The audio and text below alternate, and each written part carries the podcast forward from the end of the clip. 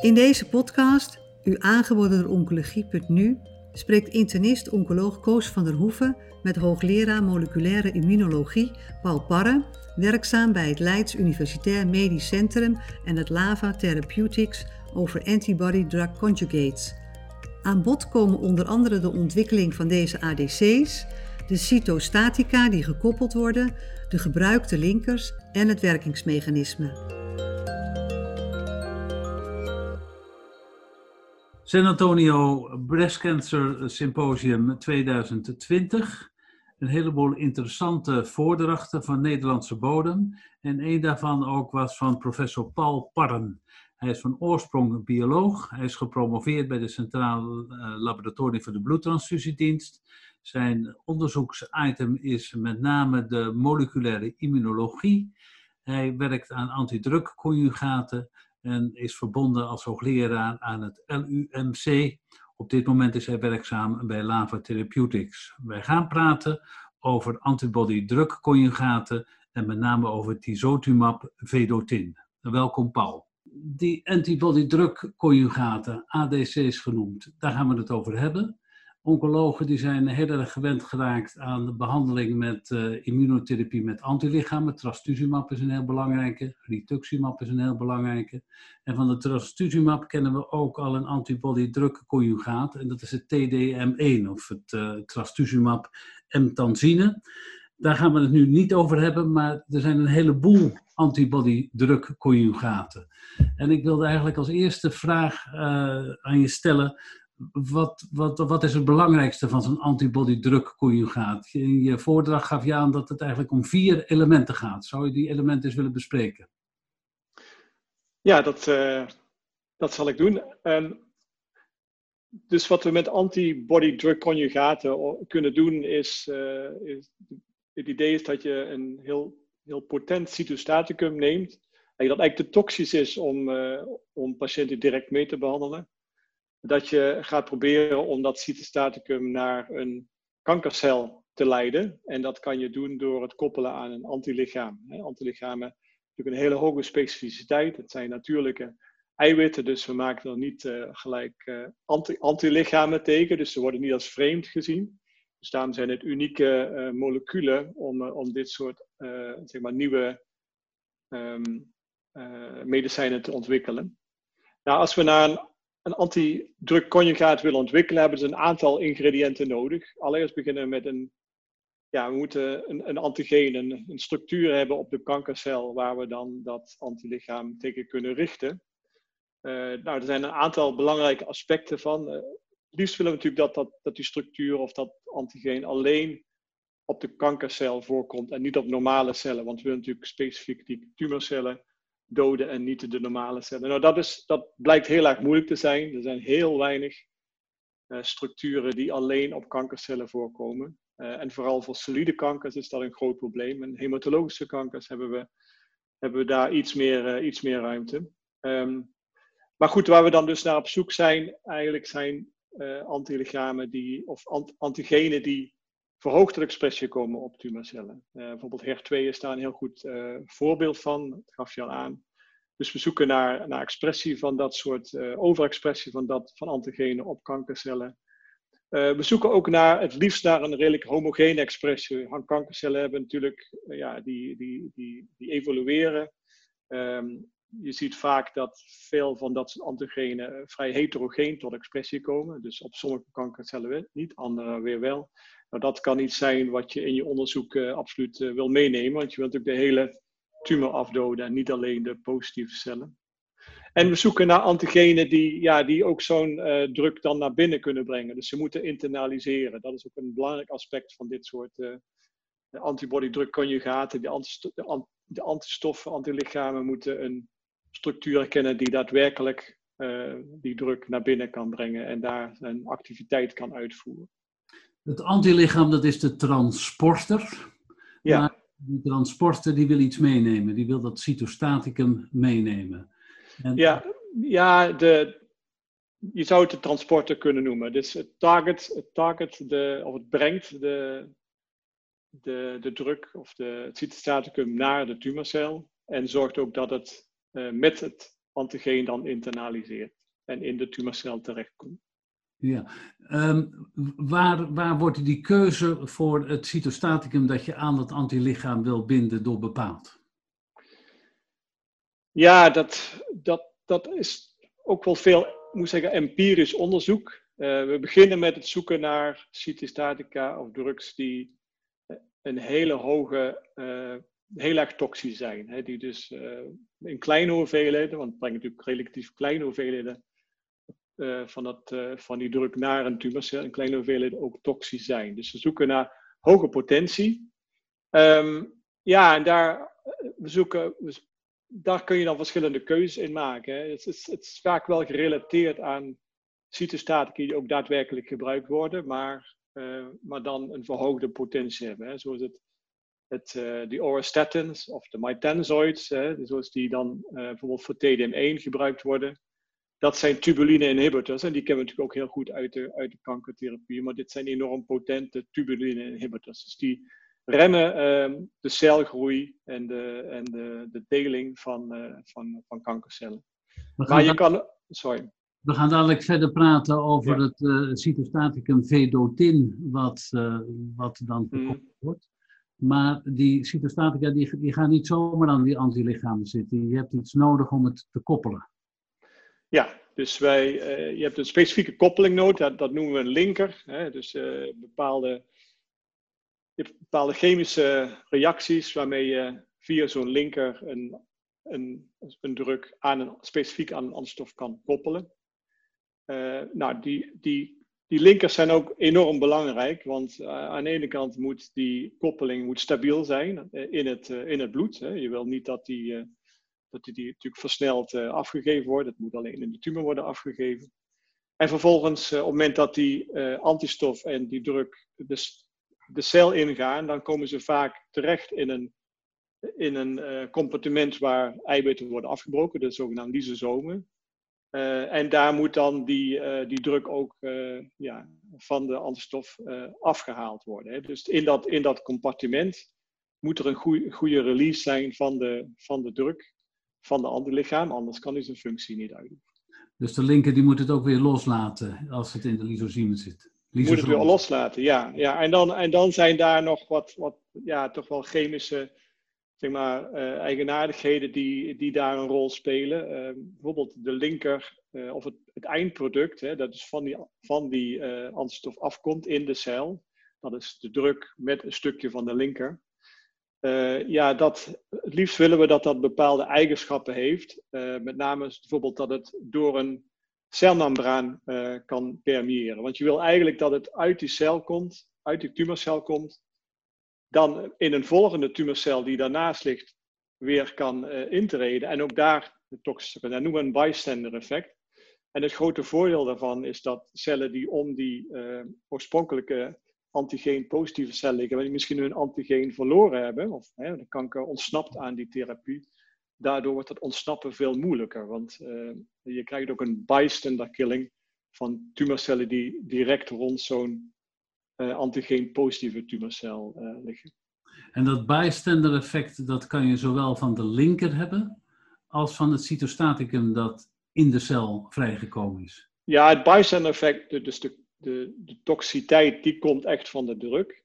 Maar uh, zowel de chemische eigenschappen van de druk als van de linker hebben invloed op hoe goed uh, dat bystander effect kan werken. Op het moment dat de druk met de linker uh, bijvoorbeeld niet door een celmembraan kan passeren, omdat het te hydrofob is bijvoorbeeld, ja.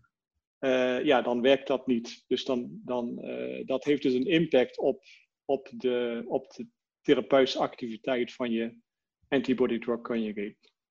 Nou zijn er op dit moment al een heel aantal van die antibody-drug conjugaten in ontwikkeling. Die linkers die daar gebruikt worden, zijn dat allemaal dezelfde of zijn dat allemaal verschillende linkers?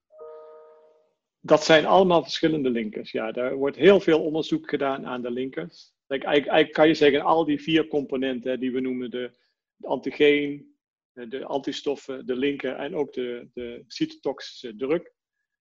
Aan al, dat soort al die vier componenten wordt heel veel onderzoek gedaan om het geheel te optimaliseren. Hè, met het doel om actiever te zijn, maar uh, ook weer niet te veel uh, toxiciteit te genereren. Want dat is toch wel weer een nadeel van deze, nog steeds van deze antibody-drug conjugates. Uh, ondanks dat je de targeting naar de tumor hebt, heb je nog steeds uh, bijwerkingen die natuurlijk heel serieus kunnen zijn. De toxiciteit, die kunnen we niet geheel wegnemen. En dus dat al die vier componenten hebben daar een impact op. en je wil natuurlijk uiteindelijk antibody drug conjugates ontwikkelen die een zo groot mogelijke therapeutische index hebben. Hè? Dus zo, zo laag, zo hoog, zo potent mogelijk tegen de tumor, maar zo laag mogelijke uh, toxiciteit of, voor de patiënt. Ik wilde er nu overstappen naar de, de ADC waar je heel erg intensief aan werkt. Dat is het tisotumab vedotin. Oncologen die struikelen daar vaak over als ze dat woord uit moeten spreken, maar het heet tisotumab vedotin. En daarbij is als payloid, als cytostaticum, iets gebruikt dat komt uit de Dolabella auricularia. Is dat correct? Het is afgeleid van een, inderdaad van een, een toxisch molecuul dat uit uh, die zeeslak die zeeslak uh, gehaald is. Ja. En dat, op zich is dat wel een mooi verhaal, uh, vind ik zelf. Um, er is onderzoek gedaan door een, uh, een onderzoeker in de VS, George Pettit, die, um, die inderdaad aan duiken was en zag dat er zo'n zeeslak op de zeebodem zat, zonder enige bescherming, maar die niet door predatoren door, aangepakt werd. En nou, hij is daarna onderzoek gaan doen en toen bleek dus dat die zeeslak in staat was om een heel erg toxisch molecuul te maken. Ze bleven wel uit de buurt. Daar bleven ze door uit de buurt. Ja. Dat is een van de meest uh, toxische stoffen die op dat moment uh, bekend waren. Dus da daarom, het was eigenlijk te toxisch om aan patiënten te geven. Uh, hè, dat dus, dus daarom is, zijn daar al vrij vroeg zijn er ideeën ontwikkeld om dat als een uh, antibody drug conjugate ontwikkelen. Nou, het is een bedrijf geweest, Seattle Genetics, die uh, een aantal modificaties hebben uitgevoerd op dolastatin, hè, zoals dat molecuul heette. Uh, en dat is het MMAE geworden, dat, of het vedotin, dat dus aan, het, aan de tisotumab gekoppeld is. Oké, dan uh, het antigeen, het antigen dat opgezocht moet worden, dat heet de tissue factor. En ja. Wil je iets vertellen over die tissue factor en waar het allemaal voorkomt? Nou, tissue factor, eh, we, kwamen eigenlijk op tissue factor, we waren op zoek naar, naar, naar uh, antigenen die hoog tot expressie komen op tumoren en relatief laag op uh, normale cellen. Uh, of misschien niet uh, beschikbaar waren voor binding in, onder normale condities. En daar, daar kwam tissue factor uit als een heel interessant molecuul. We zien dat het heel hoog tot expressie komt op een groot aantal verschillende solide tumoren. maar we zien ook dat, dat aangezien de, de rol van tissue factor is, het is een van de, is de, misschien de belangrijkste initiator van van eh, coagulatie, van eh, bloedstolling eh, in, de, in de mens.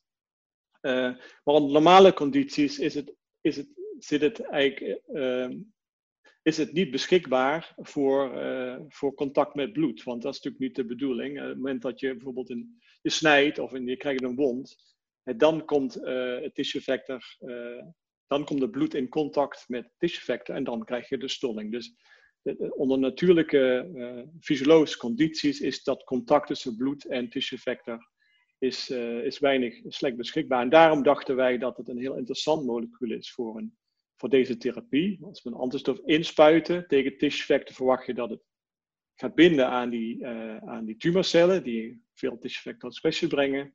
Maar um, het normale tissue factor zou niet tot slecht beschikbaar moeten zijn voor binding. En dat is eigenlijk ook wat, wat we zien. Welke tumoren brengen vaak, eh, relatief vaak? Uh... Nou ja, we hebben uh, colon, verschillende gynaecologische tumoren, long.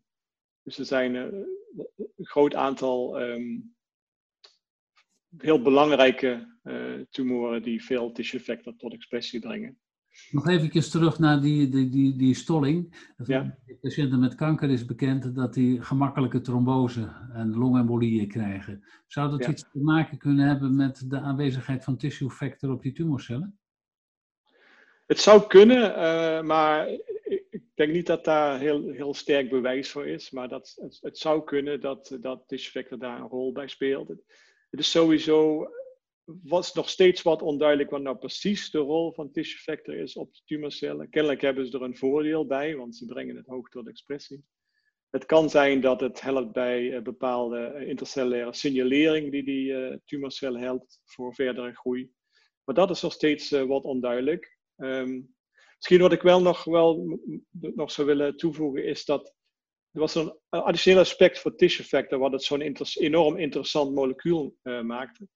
Kijk, het is altijd goed denk ik om naar de biologie van, uh, van processen te kijken. En mhm. in de normale biologie uh, moet tissue factor helemaal niet op de cel tot expressie komen. Hè? Dus, dus wat je eigenlijk ziet gebeuren is dat er over het algemeen een vrij grote pool van intercellulair tissue factor is op normale cellen die, uh, als het tot expressie komt uh, op de membraan, dan wordt het gelijk weer geïnternaliseerd en in een degradatiepathway naar de lysosomen gebracht. En dat is natuurlijk om te voorkomen dat er veel van dat soort moleculen op de cellen komt. Dat wil je helemaal niet. En dat is dan precies wat we nou uh, bij deze antibody conjugate, waar we gebruik van kunnen maken. Want daardoor kan ook juist tissue factor heel goed antilichamen uit de circulatie, uit het bloed oppakken. En dan uh, met grote snelheid naar die lysosomen brengen, waar dan de druk uh, tot, uh, zeg maar vrij kan komen. Dus dat opzicht ja, is er een mooie combinatie van, van biologie en medicijnontwikkeling mogelijk voor dit therapeuticum. Een interessant antigen, aanwezig op meerdere tumorsoorten. Een antilichaam dat daarvoor beschikbaar was en een interessant cytostaticum, een erg potent cytostaticum en ook een linker. Nou, dat heeft geleid tot een hele serie onderzoeken en uh, in San Antonio heb ik dat eigenlijk netjes verteld. Je hebt het over celkweken gehad, je hebt het over muizen gehad. Zo in een paar zinnen kunnen uitleggen wat de conclusies van die verschillende onderzoeken was. Ja, dus in, in preklinische ontwikkeling, dus voordat we naar de kliniek gaan, gaan we onderzoeken of uh, inderdaad uh, de druk, of in dit geval de antibody-drug conjugate, dat, dat ontwikkeld is, ook in staat is om, uh, om tumorcellen te doden. en ook hoe dat mechanisme dan werkt. Is dat com compatibel met, met het doel waarvoor we dit willen gebruiken? En dat is eigenlijk in die onderzoeken aangetoond, hebben laten zien dat als je cellen hebt met uh, een bepaald niveau van uh, tissue factor expressie, uh, dat, als we hele lage expressie hebben, dan zien we eigenlijk weinig tot geen cel dood.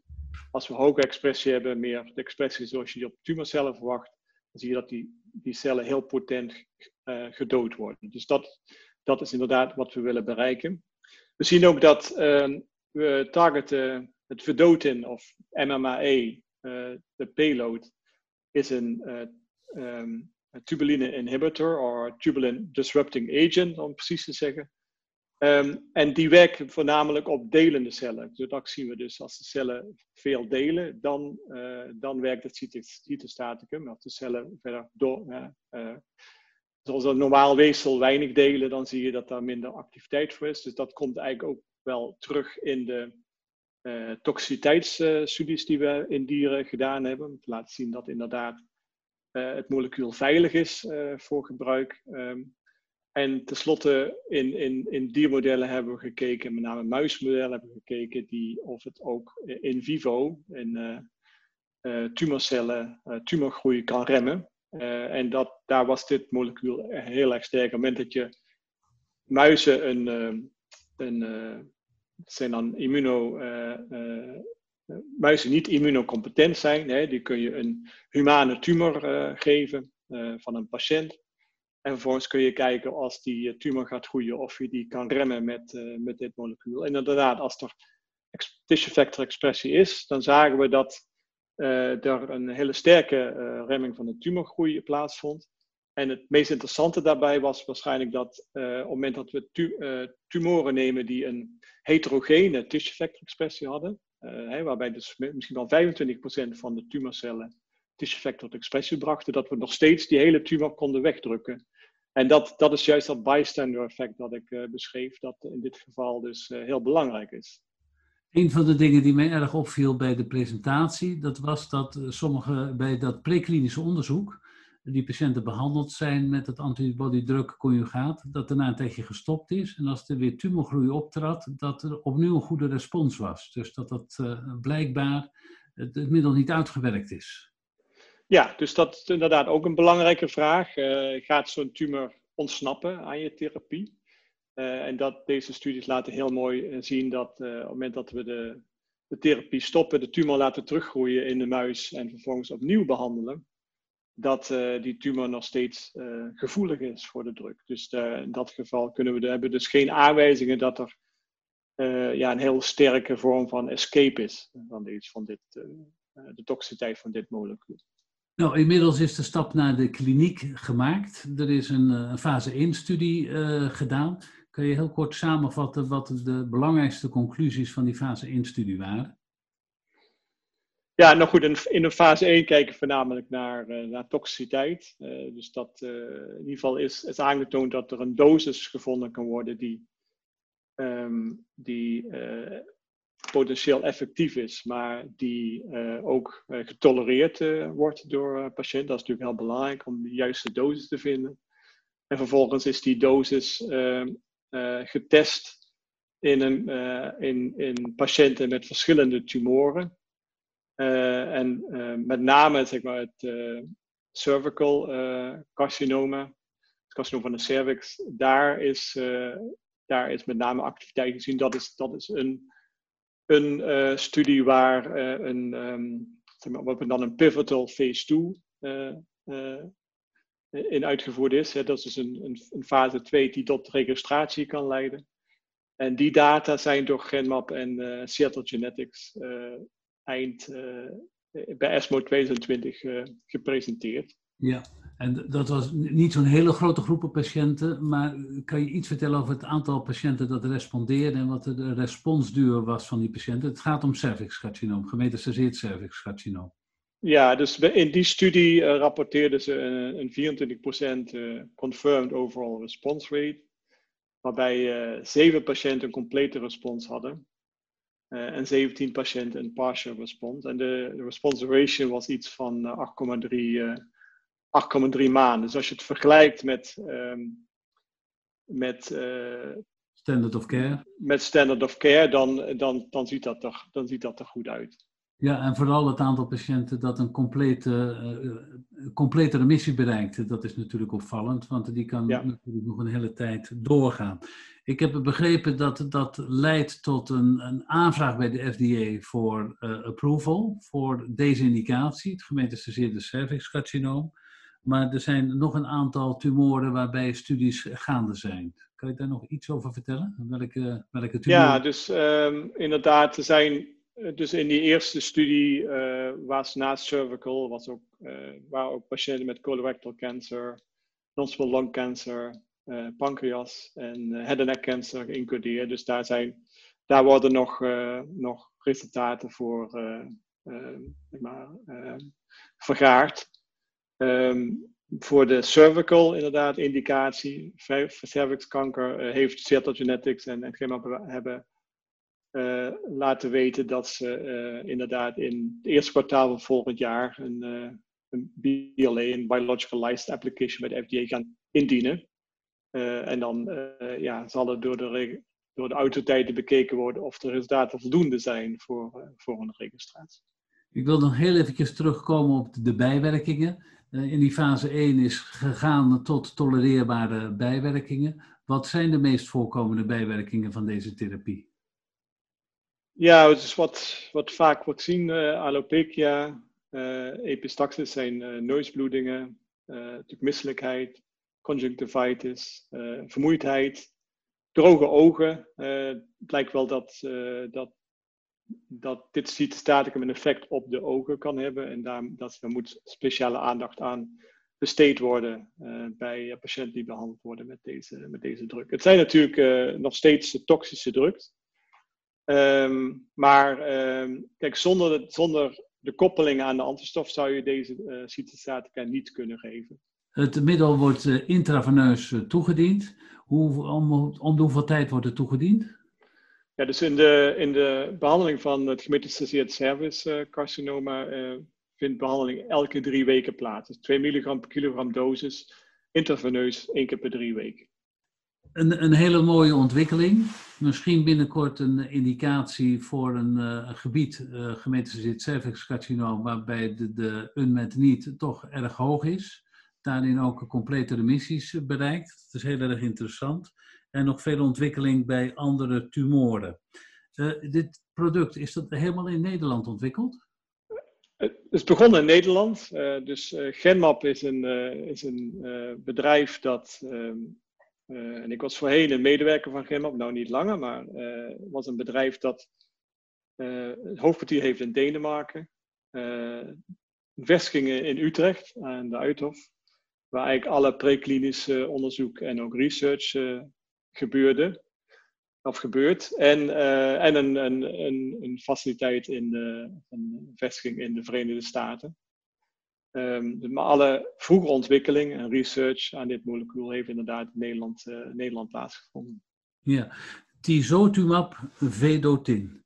Hoeveel uh, nieuwe antidrukconjugaten denk je dat er de komende tijd nog aankomen? Nou, heel veel. Het is een, echt een, een het veld uh, is nu op een, op een punt gekomen waar je ziet dat we beter begrijpen wat we nodig hebben om een antibody drug conjugate te maken. En dat zie je ook terug in de ontwikkeling. Uh, op dit moment uh, zijn er iets van meer dan 200 verschillende antibody conjugates in ontwikkeling. Waarvan we weten dat, dat, ze in ontwikkeling zijn, misschien nog wel meer bij bedrijven onder de radar. er zijn er 86 in, de in klinische ontwikkeling. Wat natuurlijk een enorm aantal is. op het moment hebben we, zijn er 10 goedgekeurd. er zijn 9 antibody conjugates die in een stadium van ja, pivotal trials zijn of, of dicht bij registratie. Dus we kunnen echt de komende ja, jaren kunnen we veel van dit veld verwachten. En ik, zal, ik denk dat we nou ja, ook zullen zien dat meer en meer bij, bij patiënten gebruikt, beschikbaar komen en bij patiënten gebruikt kunnen, kunnen worden voor de behandeling van verschillende typen kankers. Nog een laatste vraag over de tisotumab vedotin. Uh, hoeveel procent van de tumorcellen moest aankleuring hebben met de TF, dus de tissue factor, om voor de behandeling in aanmerking te komen? Ja, dus, we, dus wat, we, wat we gezien hebben is dat ongeveer 25% van de cellen uh, positief moesten zijn om een goede activiteit in vivo uh, te krijgen. Dus dat in, de, in die orde van grootte moet je denken. Oké, nou een, een, hele interessante ontwikkeling. Uh, we hebben eigenlijk uh, heel veel dingen besproken en een interessant, uh, een potentieel interessant nieuw medicament besproken. Ik wil je heel erg hartelijk danken voor deze toelichting. Dankjewel. Ja, dankjewel. Bent u geïnteresseerd in meer podcasts? Deze zijn te vinden op de website oncologie.nu.